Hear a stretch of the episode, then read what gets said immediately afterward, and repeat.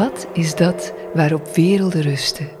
Radio Lila zoekt de grond onder mystieke ideeën, filosofeert over scheppingsmythen, literatuur en muziek.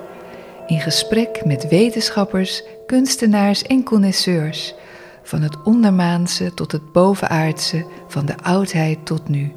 Scherpzinnig en luchtig, diepgaand en compact en voortdurend op zoek naar geestelijke rijkdom. Welkom bij Radio Lila.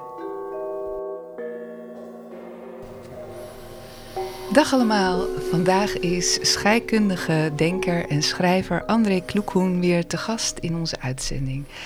Hij heeft gewerkt bij het Studium Generale van de Universiteit van Utrecht en de opleiding Liberal Arts and Sciences. Hij was redacteur van het tijdschrift Maatstaf, essayist voor HP De Tijd en medewerker van het VPRO-programma God zij met ons. En ook schreef hij flink aantal boeken, waaronder zijn monumentale boek De geschiedenis van het denken uit 2003. En dat is ook echt al vele malen herdrukt. In 2020 kwam De Vreemde Lus uit en hierover hebben we al een uitzending gemaakt. En tegenwoordig heeft hij een prachtige website met als titel De geschiedenis van het westerse denken over bewustzijn en het verbond tussen filosofie, wetenschap, kunst en mystiek. Te vinden via andreklokoen.nl. Nou. Eenvoudiger kan het niet, hè? Welkom André. Nee, het is inderdaad, je bent er, uh, je bent er zo. Uh, we gaan het vandaag hebben over Carlos Castaneda. Antropoloog en schrijver van een reeks fascinerende boeken over shamanisme. Uh, die gaan dus over zijn ontmoetingen met en, en ook wonderbaarlijke ervaringen met de Mexicaans-Indiaanse tovenaar Don Juan Matus. Als ik dat goed uitspreek. Uh, van zijn eerste Zo boek. zeg ik het ook. Ja, ja. toch? van zijn uh, eerste boek uit 1968, De Lessen van Don Juan, uh, zijn wereldwijd miljoenen verkocht. En het boek heeft inmiddels ook meerdere generaties beïnvloed. In dit boek dus, um, dat ook diende als afstudeerscriptie voor Castaneda, beschrijft hij hoe hij als uh, antropologiestudent aan de Universiteit van Los Angeles door een vriend in contact komt met de Nagual uh, Don Juan, een inheemse Jacqui. Um, en zijn werk had echt een enorme impact. Uh, het beïnvloedde meerdere generaties. Uh, zei ik al, uh, schrijver William S. Burroughs refereerde vaak aan hem. Art artiesten zoals Jim Morrison, The Eagles, Bob Dylan en Marvin Gaye... die lieten zich door Castaneda inspireren. En John Lennon vond ik ook wel leuk om te lezen. Die zou in zijn laatste interview zelfs Yoko Ono met Don Juan hebben vergeleken. Ook uh, het Star Wars personage van Obi-Wan Kenobi zou gebaseerd zijn op Don Juan. Dat was voor mij ook een verrassing. En filmmaker Oliver Stone, die noemde zijn uh, productiemaatschappij uh, Ixtilan. Uh, dus naar een van de boeken van Castaneda. Ja, volgens mij spreek je in het Spaans de X als, uit als een G, hè? dus Ixtlan. Oh, Ixtlan. Ja, Mexico. Ja, nou, Oké, okay. dank, dank. dat ga ik proberen te onthouden. Um, ik heb er nog, uh, ja, de lessen uh, van Don Juan uh, stonden ook heel hoog op het lijstje van Fellini om te uh, ver, ver, Ook allemaal nieuws van mij hoor. Dat wist oh ik ja, ook. nee, ja, dat, ja, ik, dat was, ging echt heel veel. Uh, wat ik al zei, er kwam een lawine van informatie op me af toen ik hem ging, uh, ging uh, googlen. En hij is daar ook echt mee bezig geweest om dat te gaan doen. Maar dat is weer een heel ander, een heel verhaal op zich. De laatste die ik wil noemen is Deepak Chopra. Want die noemde Castaneda een van de meest diepgaande denkers van de 20e eeuw. Nou, voor zover de introductie.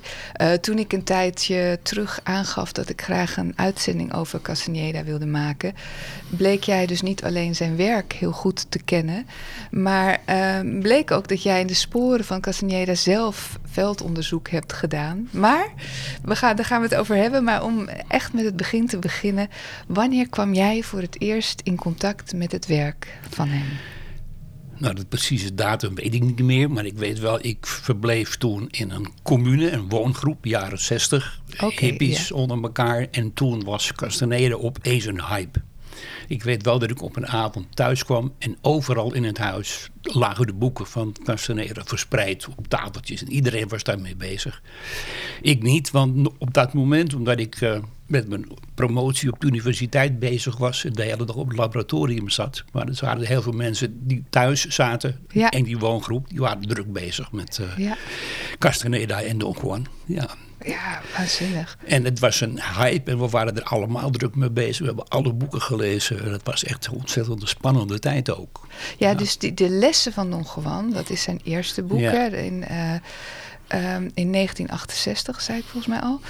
Eh, dat sloeg dus echt in als een bom. En, en eh, die periode van de ontkerkeling, ontkerkelijking wordt ook wel eh, aangeduid als de New Age. Ja, ja. Eh, Ja. Dus waar verschillende religieuze praktijken en stromingen eigenlijk in één keer opkwamen. En dus je had invloeden van het occultisme, maar ook Swedenborg en Mesmer eh, en Theosofie. Die vormden samen een beetje een soort potpourri van het nieuwe denken. Kun je iets vertellen over de tijd waarin die boeken uitkwamen? Ja, het was de tijd van. Waar het liedje over is. Hè. Het is the dawning of the age of Aquarius. Ja, ja. er kwam een hele nieuwe tijd aan. Ja. Iedereen had gewoon genoeg van de, van de hele wederopbouwtijd. Het is allemaal strikt en keurig en netjes en nette gezinnen en dat soort dingen. En, Ja. eh, Vandaar dat we ook in een, in een zo'n woongroep terechtkwamen. Natuurlijk een alternatieve leven. We waren alternatief. Een alternatieve levensvorm. Alternatief gekleed. En we hielden Leuk. met alternatieve dingen bezig. Zoals onder andere spirituele dingen. Hè. Dan waren we erg spiritueel. Als reactie op de, op de rationele, eh, mechanistische wereld waar we in opgegroeid waren. ja, energie was echt een soort toverwoord in die tijd. Ja, ja, ja. Ja, nou, en toen zijn we ook in die, in die, eh, in die, in die eh, de Don Juan-materie terechtgekomen. ja, Ik heb alles gelezen en eh, het is ook een soort levenshouding geworden een hele tijd. Dus we, eh, opeens had je houvast. Dus, er werd, dus eh, ik weet niet of we daar al nu al over moeten beginnen. ja vind het is wel interessant om daar een beetje op in te gaan. Ja, want het, eigenlijk, eigenlijk is, het, is, het, eh, is het niet zo bijzonder hoor. Maar dus de teachings of Don Juan, het kwam erop neer dat je wat je moest doen, moest je een paar dingen doen. Je moest eerst beginnen met eh, wat de tovenaar aan die antropoloog vertelde. Hè. Want je moet eh, knowing who you are, weten wie je bent. Daar moet je mee beginnen. Dan je tweede punt is knowing where you want to go to. Dus wie wil je eigenlijk worden? Ja, ja. En wat je wilde worden, dat was, eh, was een tovenaar, dus een man van kennis. Ja, En de weg die je, af, die je afliep, van, moest aflopen van eh, wie je bent tot wie je wil worden. Dat heette bij Castaneda de method, bij die Indiaanse cultuur, de methode. ja, En dat Ja. was dan je ontwikkeling naar een man van kennis. ja. En onder, dat, onderweg kwam je dan verschillende vijanden, tegenstanders, hindernissen Ja, tegen ja. die je moest overwinnen. Het waren er vier. Eh, de eerste was eh, angst. Dus je moest eerst angst overwinnen. Ja, ja. De tweede was, dat is een beetje moeilijk. eh, kon je van alles, van alles. Het is me nooit helemaal duidelijk geworden, maar wat, soms wordt het genoemd als helderheid, maar soms ook als egocentrisme. Ja, dat ja. moest je overwin- overwinnen. De derde was macht. Dat Ja. je daar, want met macht zit het net zoals met geld. De mensen die eenmaal geld hebben, willen niet iets met het geld doen, maar die willen alleen maar meer geld krijgen. Ja, klopt. En met macht is Ja. het ook zo. Dus als je eenmaal macht hebt, dan wil je eigenlijk alleen maar meer macht. Ja. En wat je moet leren is dus met die macht omgaan. Ja, ja. En de laatste vijand, de laatste tegenstander die je moest overwinnen was eh, ouderdom. Ja, Dat is- precies. dat, is, dat is hem, Dat, ja. dat is de laatste. Ja, nee, ik zal even voor de, even voor de eh, mensen die echt helemaal niet weten hoe het is opgebouwd. De lessen van Don Juan bestaat ongeveer voor twee derde uit een eh, gedetailleerd veldverslag van de ontmoetingen eh, van Carlos ehm, en de, met Don Juan. Ja. Hè? En een, een tweede deel, dat is meer een soort structurele analyse van Ja. wat hij dan meemaakt. En dan heb je inderdaad die vier natuurlijke vijanden. En ik dacht dat er ook eentje was van eh, klaarheid van geest. Nou ja, het is die helderheid. Dat is die helderheid. Ja, ja, precies. Ja, ja. Maar eigenwaan, helderheid. Ja. Nou, het, Ja. Daar heb ik eigenlijk Ja. het minst van begrepen, Ja. van die tweede vijand. die anderen zijn nogal, zijn nogal duidelijk. Maar Ja. het gra- grappige dus van die ontwikkeling van Castaneda zelf... is dat hij als antropoloog begon om de Indiaanse cultuur te bestuderen. Wat, wat, is een tovenaar en wat doet hij nou ja, precies? ja, En dat dus in de loop van het verhaal de situatie omdraait. Ja, ja. Dus na een tijdje blijkt dus niet hij eh, die tovenaar te bestuderen, maar is die tovenaar met hem bezig en van hem een tovenaar te maken. Dus opeens die, die hele verhouding tussen Don Juan en Castaneda draait om in ja, de loop van dan het, wordt eh, hij de nauwal. Ja, en, ja. eh, ik heb hier nog een citaat wat hiermee te maken heeft. Een man met kennis moet een onwrikbaar voornemen hebben. Ja. Matigheid beoefenen. Ja. Hij bezit klaarheid van geest, is een krijger. Hè? Ja, krijger is ook een strijd, heel krijger, ja, een belangrijk woord. Een man met kennis worden was een voortdurend proces, zeg maar. Nou, ehm, wel, welke boeken eh, heb jij van hem Ah, gelezen? ik- het leuk om daarop aan te vullen. Dus het man van, van kennis worden. Mag ik er even Ja, tuurlijk. Nee, doe voegen? Dat, dat hij zat, eh, Don Juan zat met Castaneda op een bankje eh, te, te praten Ja, met ja. elkaar over hun dingen. En aan de voet van het bankje speelde een Indiaans kind. Ja, Die zat in de modder te prutten en te doen. En, eh, en Castaneda zei toen, ja, je, wil naar mij, je- je doet of je een man van kennis bent, maar het rare is wel dat jullie kinderen in de modder spelen. ja, Dus eh, eh, hoe, kan je dat, hoe rijm je dat met elkaar? Dan ben je toch niet zo goed bezig. Ja. Eh, Waarop Don Juan zei, wat wil je eigenlijk worden?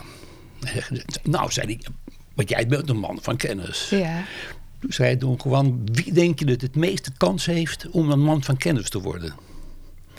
Dat kind wat in de modder speelt? Of jij met je schooltje en je Ja. gedoetjes en je dingetjes Ja. en je spijtjes.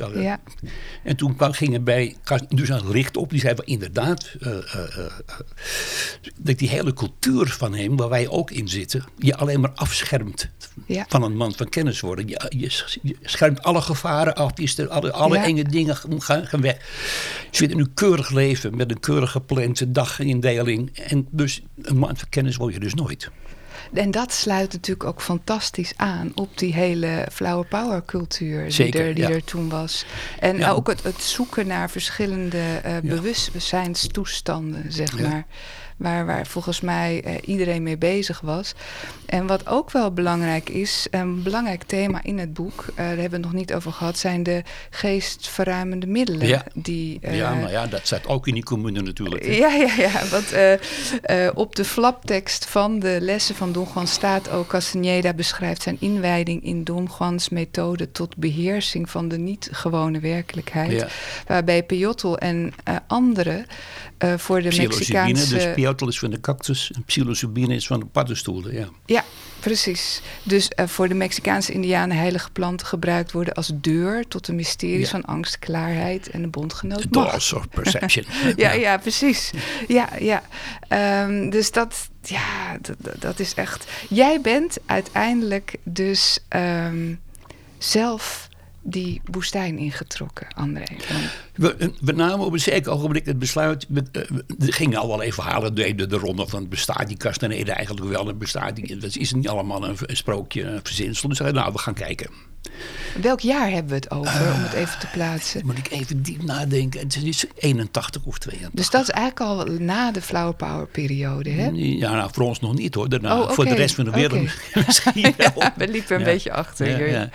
Ja, En toen zijn we dus naar de Verenigde Staten ge- gevlogen. Ja, op zoek naar Don Juan, naar de, of naar de Yaqui-Indianen eigenlijk, Ja. om te kijken of die echt bestonden en of we daar iets van zouden, Ja. zouden kunnen. Verenigde Staten gevlogen en het grappige was dat we aankwamen in New York vliegveld eh, eh, en dat New York, alle boekwinkels in New York, die waren, etalages waren blauw. Vanwege het nieuwe boek van Carlos Ah. Castaneda. Wat in, nee, wat in Europa nog niet was, maar in de Verenigde Staten al wel. The Gift of the Eagle. De, de, de gave of de, van de adelaar. En eh, ik ben altijd al bezig geweest met het verzamelen van, van, van de dingetjes uit de natuur. Dus ik heb eh, rechts achter jou staat een kast Ja, ja. Met allemaal stenen en schedeltjes en dingetjes die ik op mijn wandeltochten in de natuur heb verzameld. Maar het zijn natuurlijk allemaal vrij gewone dingen. Het zijn de schedeltjes zijn van een duif en een meeuw en, een, en, een, dat soort dingen. Ja, ja. En ik wilde zo graag een heel magisch beest. Het schedeltje van een magisch beest. Ik dacht van, nou, ik, misschien vind ik de Verenigde Staten wel een schedeltje van een adelaar. Ja, En we vliegen aan in New York en we zien alle etalages vol staan met The Gift of the Eagle. Ik zei, nou, Ah. als dat, als dat geen, eh, geen aanwijzing is, Ja, dat ja. we op de goede tip zijn. Dus ik ben dus op mijn wandeltochten alleen maar eh, wezen kijken of ik geen... eh, Oh, je was op zoek naar al die omens, zeg maar. de, Nou, tekens. Ja, van, ja, ja, van, eh, ja, dat is dat echt dat magische denken was helemaal tot je doorgedrongen al. Eh, eh, ja, want tussendoor waren we ook al in, in Nederland met een, iemand in aanraking gekomen die zei dat hij Indiaanse tovenaar was. Oké. En op die weg, dus even op die weg terug te komen van wie je bent naar wie je wil worden. En het verslaan van die vijanden. Dat hoef je niet in je eentje te doen, want je wordt geholpen door je natuurlijke omgeving. En het enige, de hele natuurlijke omgeving geeft je steeds signalen waar je op moet letten. En- alleen is de kunst om uit te vinden wie precies wat jou, die jou, die jouw eh, beschermers zijn, die, Ja. je, die je die signalen geven. En Ja. om die taal te verstaan natuurlijk, want je kan wel signalen krijgen, maar als je ze niet begrijpt, dan heb je daar ook niks aan. Dat, wat, is- dat zijn dan ook eigenlijk die bondgenoten Dus, dan, ja, hè? dus, iedereen heeft dus in de natuur bondgenoten. Ja. Speciaal voor jou ook. Dus eh, die hebben jou iets te leren. Ja, En wij hadden dus in Nederland, eh, zijn we al met een Indiaan op zoek geweest door de natuur heen naar onze bondgenoten. En ik, ik heb er dus twee. oké. En maar ehm, die Indiaan, kan je daar iets over vertellen? Hoe kwam je daarmee in Nou contact? ja, die kwamen we tegen in, eh, in zijn alternatief jongerencentrum De Melkweg. Oké, ja. Ah, ik heb hem niet gevonden, maar de, de, de meisjes, zal ik maar zeggen, Ja, uit ja. de commune, die hebben hem gevonden. Was een prachtige, prachtige eh, glanzend bruine jonge man met blauw, donkerblauw haar. Dus glanzend Wauw, blauw-zwart haar. Nou, iedereen lacht meteen eh, helemaal op. ja, ja. En die is, dus, eh, die is een tijdje bij ons komen wonen. In de commune. En die heeft ons dus allerlei dingen uit. Die had dus een grootmoeder die Indiaanse shamane was. En die heeft hem alles, eh, alles geleerd. Oh, oké. Oh, Hij, fascinerend. hij heette zelf... eh, hoe heette hij ook weer? Eh, oh ja, Black Moose. Black Moose, oh. Ja, ja, de zwarte, zwarte eland. Oké, ja.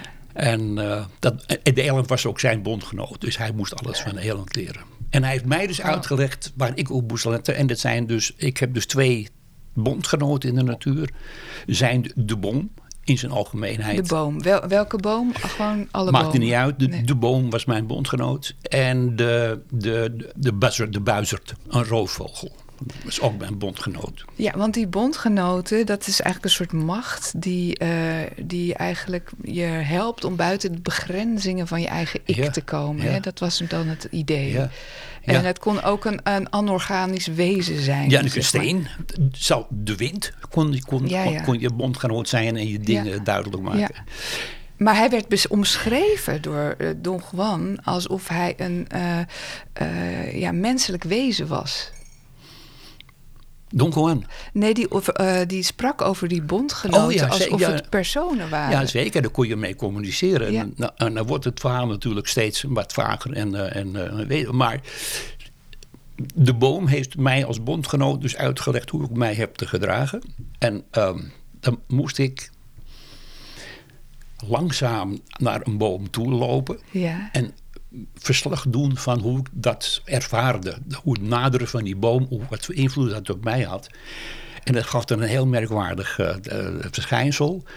Dat het, wat er gebeurde afhing van de soort boom. Dus ik liep naar een boom toe. Een, laten we zeggen een eik. Ja, ja. En naarmate ik dichterbij kwam, begon het bij mijn voeten. En naarmate ik dichterbij kwam, steeg dat langzaam op tot boven mijn hoofd. Wauw. Dus, eh, zeggen dus die, die, die, die invloedssfeer van die boom had een kegelvorm. Kan je dat voorstellen? Dat als je daar Ja, naartoe loopt, dat ja. je dan steeds meer in die kegel verdwijnt. ja. En een andere boom, een beuk, die had dus een... Daar merkte je niks van.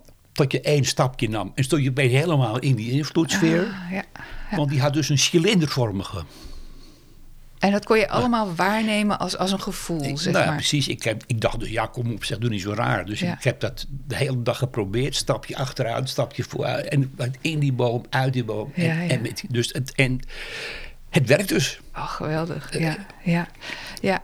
Nou, ik denk dat iedereen die wel is in een bos gewandeld Ja. heeft, die, die ervaart natuurlijk wat. Maar het is heel leuk als dat een keer gestructureerd wordt in een methode. Hè? En, En, en de consequentie, wat wou ik nog even dus daaraan toevoegen. Dat vanaf dat moment eh, eh, ben ik in een bos altijd veilig. ja, Dus ja. ik heb dus de, de meest woeste wouden gelopen in Scandinavië en in Canada. En, en, eh, maar als ik in een bos ben, dan voel ik mij geheel zo bevrijd en, en, en, en, en, en Ja. zeker van alles. Ja. Want eh, niemand kan mij in een bos iets doen. Nee. En zo goed. voelt dat gewoon. En ik heb dus echt in mijn eentje gekampeerd in duistere wouden. En, eh, maar nooit één moment angst van angst gevoeld. Dat je je gedragen voelt door de bomen Niet precies, eigenlijk. ja, ja, Hey, ja. en je andere bondgenoot? Kijk, de boom, even, als bondgenoot moest mij twee dingen leren. Zei mijn Indiaanse seksman. Die zei van, jij bent obsessief met twee dingen bezig. Eten en seks. Ja, En kijk nou eens naar een boom. oké. Ja, Die staat er ook te leven. Ja. Die plant zich ook voor, maar verroert geen vin. Die Ja. staat met zijn wortels in de aarde. ja. En alles waait hem toe. Dus, de- en dus, dus, dus wat eten betreft, de, lucht en de voedsel zit in de bodem. En wat de seks betreft, het stuifmeel komt aan alle kanten op hem af. vanzelf op een af. Dus je moet leren dat je niet achter de dingen aan moet zitten, maar je moet je openstellen voordat het je overkomt. Ja. Nou, dat heeft de boom mij geleerd. Waanzinnig. En de buizerd die heeft mij geleerd, dat is meer een negatieve les van wat ik dus niet moest doen. Oké, ja. Maar wat ik dus deed, was als ik iets wilde veroveren, kennis Ja, ja, of, of een vrouw, ja. dat ik altijd dezelfde methode hanteerde. Ik cirkelde daar omheen Oké, en ja, pakte ja. er iemand langzamerhand in. Tot diegene dus in slaap was gevallen, min of meer. En dan stortte ik me daar bovenop. En dat deed een buizer dus ook. Hè. Die draait cirkels in de lucht. En het konijntje wat zit te kijken de hele tijd. Die denkt, nou, hij doet toch niks. Is eerst bang en dan Ja. denk je, nou, Eh, ja, niks aan de hand. Dan, dan duikt hij. nou, Ja, oh, wat goed. Eh, nou, in zijn boeken weer even, even terug naar ehm, ehm, ja, het, het werk, dus het oeuvre. Na de eerste ervaringen met al die eh, verschillende geestverruimende middelen... Eh, wordt er dus geen drugs meer gebruikt in, in het boek zelf ook. Eh, ook niet in latere boeken, want dan is eigenlijk een klap van Don Juan tussen de schouderbladen van Carlos al genoeg om hem dus in een verhoogde staat van bewustzijn te brengen. Ehm, dat zou ook een soort kwestie zijn van het verplaatsen van het verzamelpunt. Hè? En ehm, nou is het misschien wel leuk om, om een link even te maken met die buizerd. Ehm, want ook laat die Nahual ehm, Don Juan dus Carlos op een gegeven moment in een kraai veranderen. ja. Hij gooit hem zo in de lucht, Ja. zodat hij ook kan vliegen. Ja. En dan wordt hij ook ergens wakker en veel verder van waar hij was vertrokken. Hoe moeten we dat zien, eh, André? Overdrachtelijk, lijkt mij. Ja, Ja, dit is namelijk een van, een van de eh, eh, belangrijke dingen die een Indiaanse tovenaar kon doen. Was Ja. de beperkingen die wij ons opleggen in ruimte en tijd. Dus wij bevinden ons in de tijd op één moment en we vinden Ja. de ruimte op één Ja. plaats. En de Indiaanse tovenaar Don Juan kon zich opeens, liepen ze naast elkaar, praten Don Juan en Carlos Castaneda. En opeens was Don Juan weg. ja, En dan zegt hij, ah, waar is hij nou? Ja. En dan even later stond hij er weer. Dus Ja. hij kon zich opeens... uh, ja. ik heb dat nooit letterlijk genomen. Nee. Dat, wat, dat kan dus niet. Maar het- je moet, het, vliegen heet het ook in, het, in, het, in het werk. ja. En al die, al die, alles wat vliegt, dat vinden wij in onze cultuur dus eh, eng. En eh, het, eh, dus Ja. heksen die op bezemsteel rondvliegen. Ja. Dat zijn dus dingen die we uit onze cultuur moeten bannen ja. opsluiten, verbranden.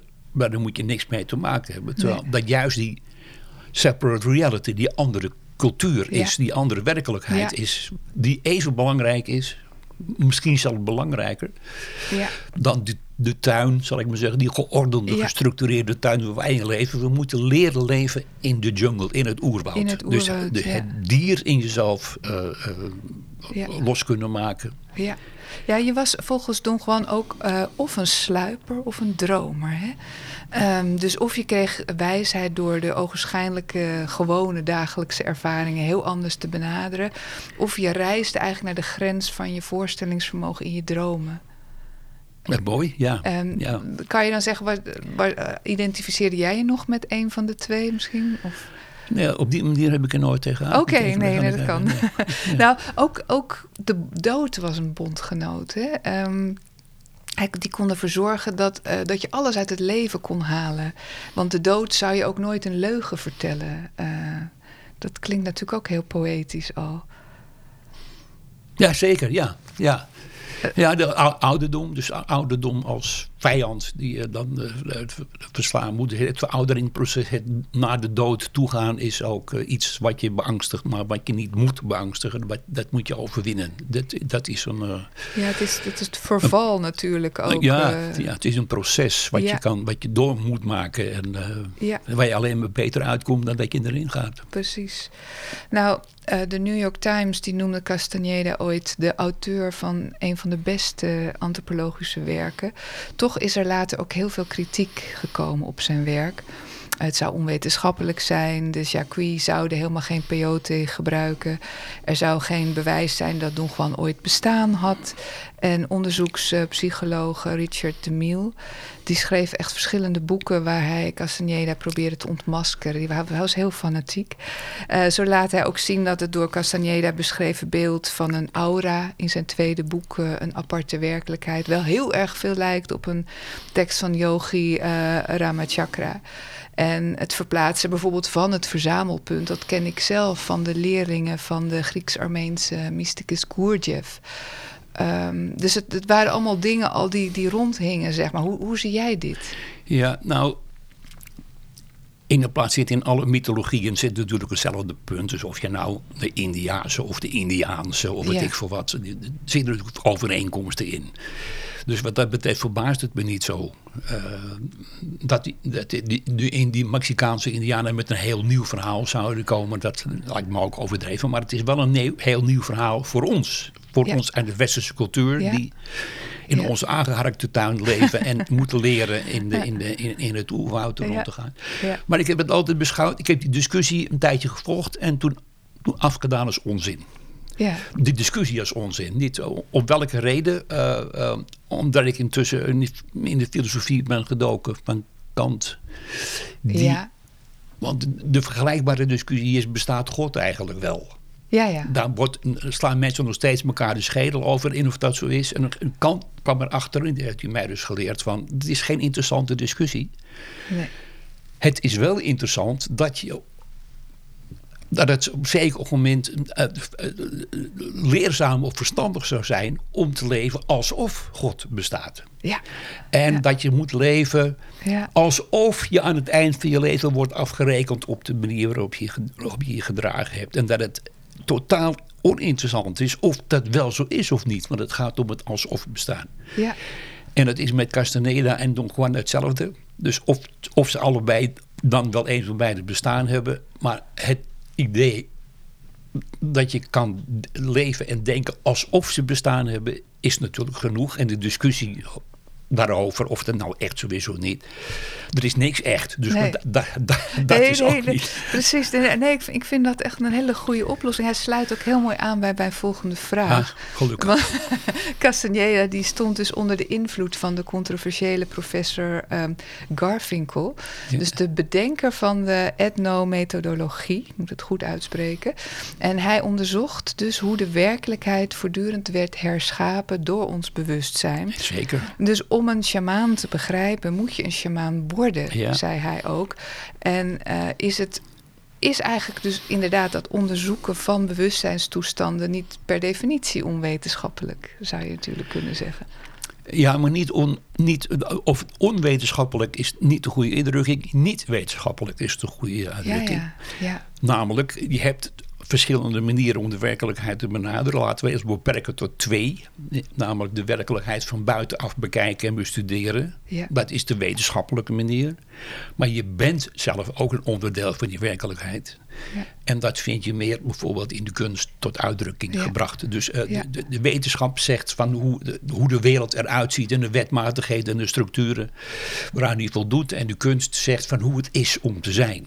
Dat zijn twee werkelijkheden waarbij die kunstwerkelijkheid dus in de westerse cultuur onder is gesneeuwd. Dus sinds de verlichting doen we daar niet meer aan. Nee, nee, nee.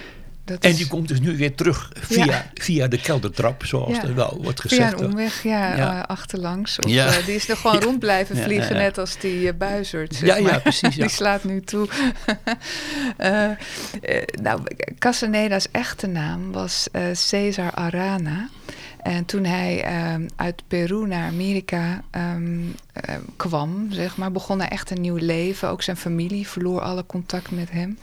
Hij was eigenlijk een soort levend enigma, hè, zou je kunnen zeggen. Hij bleef mysterieus, Ja. ook voor degene die hem persoonlijk Zeker. kende. Hij had verschillende boeken geschreven, maar niemand wist hoe hij eruit zag. Want Nee. er waren geen foto's van hem bekend. Nee, en hij wil, hij- Geen interviews, geen... eh, nee. foto's, daar wou die, wilde hij ook niet. Hij wil niet gefotografeerd worden. ehm, en bijna niemand kende ook zijn adres of zijn telefoonnummer. Ehm, hij sprak nooit over zijn verleden, volgens mij. En hij werd ook wel omschreven als iemand met een magische aura. Dus een meesterverteller bij wie iedereen aan zijn lippen hing. En dus zou je kunnen zeggen dat juist als hij inderdaad alles bij elkaar heeft verzonnen, dat dat niet een, gewoon een bewijs is van zijn genialiteit. Ja, maar, ja, maar nogmaals, het maakt niet zoveel uit. Nee. Dat, dat is dat een discussie die ik vind dat we achter ons moeten laten. Of dingen echt zo zijn of niet. Ja. Het gaat er alleen maar om of we er iets aan hebben om te doen alsof Precies, het ja. zo is. Ja, dat valt daar inderdaad ook. eh, Dat heeft namelijk twee voordelen om te doen alsof de dingen zijn zoals. En dat is in de eerste plaats. eh, ehm, eh, kan je dan eh, dingen doen die je vroeger niet deed. En in de tweede plaats word je er ook niet erop geslokt. Want je kan het ook zo weer loslaten. Want het, het is niet zo. Je, je denkt niet meer in waarheden, maar in mogelijkheden. Ja, En waarheden zijn altijd het begin van geweld. Want Ja. als ik iets de- denk dat echt waar is. en jij denkt het niet, dan heb je ongelijk. Ja, ja. En dan ga ik je overtuigen. En als je niet wil luisteren, dan moet je maar voelen. En dan begint de strijd eigenlijk alweer. begint, ja, dan begint de oorlog. Hè, begint Ja. daar. Ja, Dus het loslaten van waarheden en overgaan op mogelijkheden. ja, En onderzoeken wat die mogelijkheden zijn en wat het je oplevert, is het begin van een eh, toch wel een vrij ideale samenleving. En denk je dat Castaneda hier ook echt een belangrijke rol in heeft gespeeld om dit, om dit ja, ideeën over van mensen te veranderen? Ja, ik ben geen antropoloog, ik weet niet precies wat die. Maar voor mij persoonlijk heeft het wel ge- gewerkt in ieder geval. Ja. Ik ben wel losgezongen van, eh, van, eh, van, eh, oude, van oude verstofte waarheden. Ja, ja. Ja. in die zin is die, is die inderdaad wel heel nuttig geweest. Dus ehm, nou, na zijn vierde boek, volgens mij, ergens eh, na zijn sprong in de afgrond, volgens mij was het in het boek van, van Kennis en Macht. Ja. Ik weet het niet zeker. Dan verdwijnt de Nagual eh, Don Juan. En ehm, we, we lezen dus in zijn latere boeken hoe die dus, wat jij ook al eerder aangaf, hoe Carlos zijn eigen groep van tovenaarsleerlingen om zich heen Ja. verzamelt. Ja. Weet je daar nog iets van? Eh, ik vrees voor niet. Nou ja, uit zijn boeken eigenlijk vooral dan natuurlijk. Ja, of, ja of, ik, ik, ik ken geen. ik- nee, ik ken, ik ken geen groep. Ik ben wel, dus zoals we al hebben gezegd, eh, naar Mexico gereisd. Om de, te kijken of de Yaquik-Indianen wel bestaan. Ja, ja. En ze bestaan. En Dus- ze bestaan. ja. Ja, ja maar je Ik- hebt niet de Don Juan, eh, de sporen van Don Juan gevonden daar. Eh, nou, de, de sporen van Don Juan. Eh, toch wel op een bepaalde manier. Want ik reed dus met die in de Verenigde Staten aangeschafte auto door Mexico heen. Door die woestijn. Dan rij je uren, uren en je ziet helemaal niks. Het Nee, is snikheet, het is ja. kurkdroog. Je ziet alleen maar cactussen en zand in Ja. het rond. En opeens stond daar aan de kant van de weg iemand te liften. En ik denk van, hoe kan dat nou? Want er is hier helemaal niks waar iemand... Maar er stond iemand te liften langs de kant van de weg. Dus stop ik, want ik denk Ja. van ja, bestaat hier nou midden in die woestijn. En hij- die stapt in en die zegt van eh, tegen mij, eh, you're not an American. Nee. En dat vond ik dus heel raar, want ik had een auto met een Amerikaans nummer, nummer- nummerbord. Ja. Toen zei ik dus, hoe, kan je, hoe, hoe weet jij nou dat ik geen Amerikaan ben? Toen zei hij van, Amerikanen nemen nooit lift onder de Indianen mee. Ah, ja, ja. Toen vertelde hij zijn verhaal. Dat hij was op weg naar een eh, powwow. Dat is een feest van zijn India. Hij was een Yaqui. Oké, ja. En hij was op weg naar een, naar een feest uh, in een dorp, daar ergens in de buurt. En hij was het verhaal weet ik niet meer waarom hij, hoe hij in die woestijn terecht kwam. En, maar hij zei van als je me nou daar naartoe brengt, dan uh, zal ik je introduceren. In, uh, wow. en, en, ik ben dus een stukje over de gevaarde weg. En toen moesten we de weg af en door kuilen en hobbelsen en rotsblokken heen. Uh, en het stond er dus inderdaad een, een Indiaans dorp. Meestal bestaande uit caravans, ja, ja. waar ze dan in woonden. En, het was een enorm feest gaande. En hij bleek toch een, een, belangrijke figuur in het dorp te zijn. Want hij liep naar voren en zei van nou, ik sta even vooraan deze Europeaan die mij hier naartoe heeft gebracht. Als jullie niet, daaraan zou ik er niet geweest zijn. Ja. Waarop de hele stam uitbarstte in een rituele dans en gezang. Oh, geweldig. ja, ja. ja.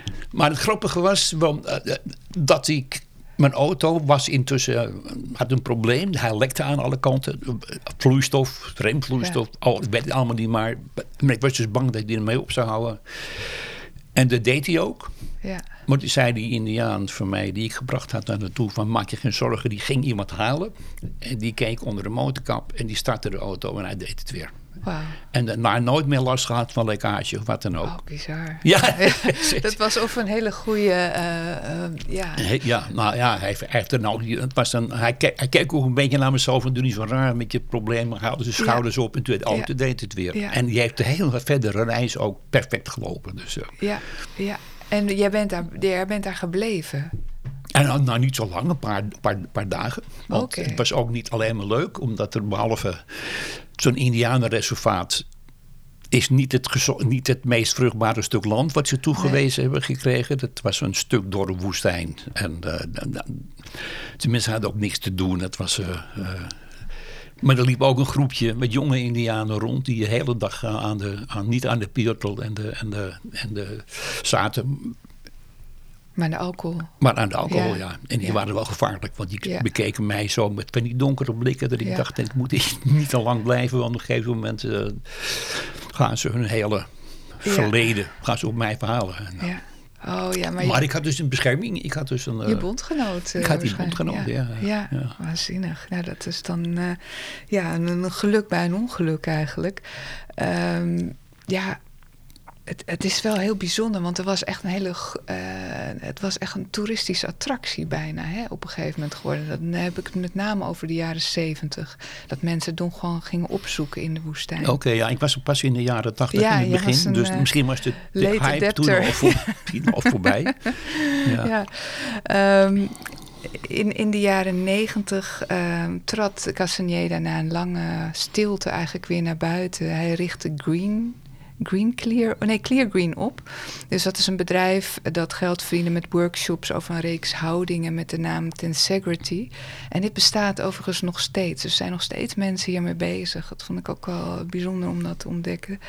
En Castanedas voorspelde dat hij als een bal van vuur zou opbranden en uh, dat er niks van hem zou overblijven na zijn dood. En hij stierf in 1998 aan leverkanker. En hoewel dat dus eigenlijk pas na een paar maanden um, later pas, werd het pas bekend. En de dagen na zijn dood verdwenen ook de vijf vrouwen met wie hij dus leefde en heel nauw uh, samenwerkte. Ja, ja, ja. ja, dat is ook een van de aspecten van de Indiaanse ja. Dus uh, ik, ik, ik had toen twee, twee vrouwen eigenlijk in die, in die commune waar ik, uh, waar ik uh, Ja, ja. mee, mee on- onder, onderhield. En dat waren het volgens die Indiaanse zes man voor mij twee te weinig. Oké. Want je, hebt er dus vier. Je, je heel, je, in die hele liefdesleven kom je er vier partners tegen die Ja. wezenlijk bijdragen aan je eigen bestaan. Ja. Voor iedere windrichting één. Ah. Dus ja, dus een noordenwindvrouw en een zuidenwindvrouw en een westen- en oostenwindvrouw. Dus vier scores. Ja. En jij had er maar twee. Ik had er maar twee, ja. ja, ja. Weet je welke windrichtingen ook? Ja. Nee, dat heb ik niet uitgezocht. Nee, Nee, nee, nee. nee. nee, Nee, maar het is toch mooi om te horen hoe, eh, hoe zijn werk zo'n grote invloed uiteindelijk op jouw leven ook gehad Ja, heeft. ja. Eh, Alleen maar positief eigenlijk. ja. Zou, wat zou je zeggen wat, wat je er vandaag nog van meekrijgt van, van zijn werk? Nou ja, dat heb ik dus het feit dat wij in verschillende werkelijkheden leven. Ja, ja, En dan zal ik dus uh, zo meteen nog wel een stuk citaat over geven. Ja, dat hoe, hoe, dat precies zit. Het is niet uit een boek van Castaneda zelf, maar uit een, een, een boek van, uh, van uh, de antropoloog-filosoof Hans-Peter Duur, een Duitse antropoloog, die zich met de Indianen heeft beziggehouden. Okay. En het, het, boek dat heet, is wel een mooie titel, Droomtijd heet het boek, over de grens tussen wildernis en beschaving. Okay. En hij vertelt hoe zijn Indiaanse tovenaar tegen zijn cultuur aankijkt. Okay. Dat ga ik nu eens citeren. Wij, burgers van de moderne industrielanden, hebben weliswaar veel bezittingen en we weten ook veel bijzonderheden over de wereld, maar desondanks is onze cultuur in het verloop van haar ontwikkeling een essentiële ervaring kwijtgeraakt. Namelijk de ervaring dat wij pas kunnen weten wie we zijn als we de grenzen van onze eigen georganiseerde samenleving overschreden hebben. Als we in haar ogen wild geworden zijn.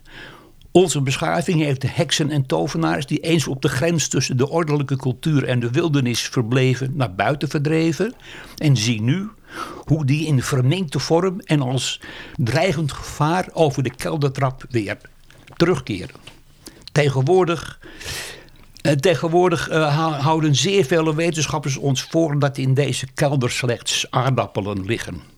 Opgeslagen en dat in de wildernis slechts hout groeit dat erop wacht om als brandstof gebruikt te worden.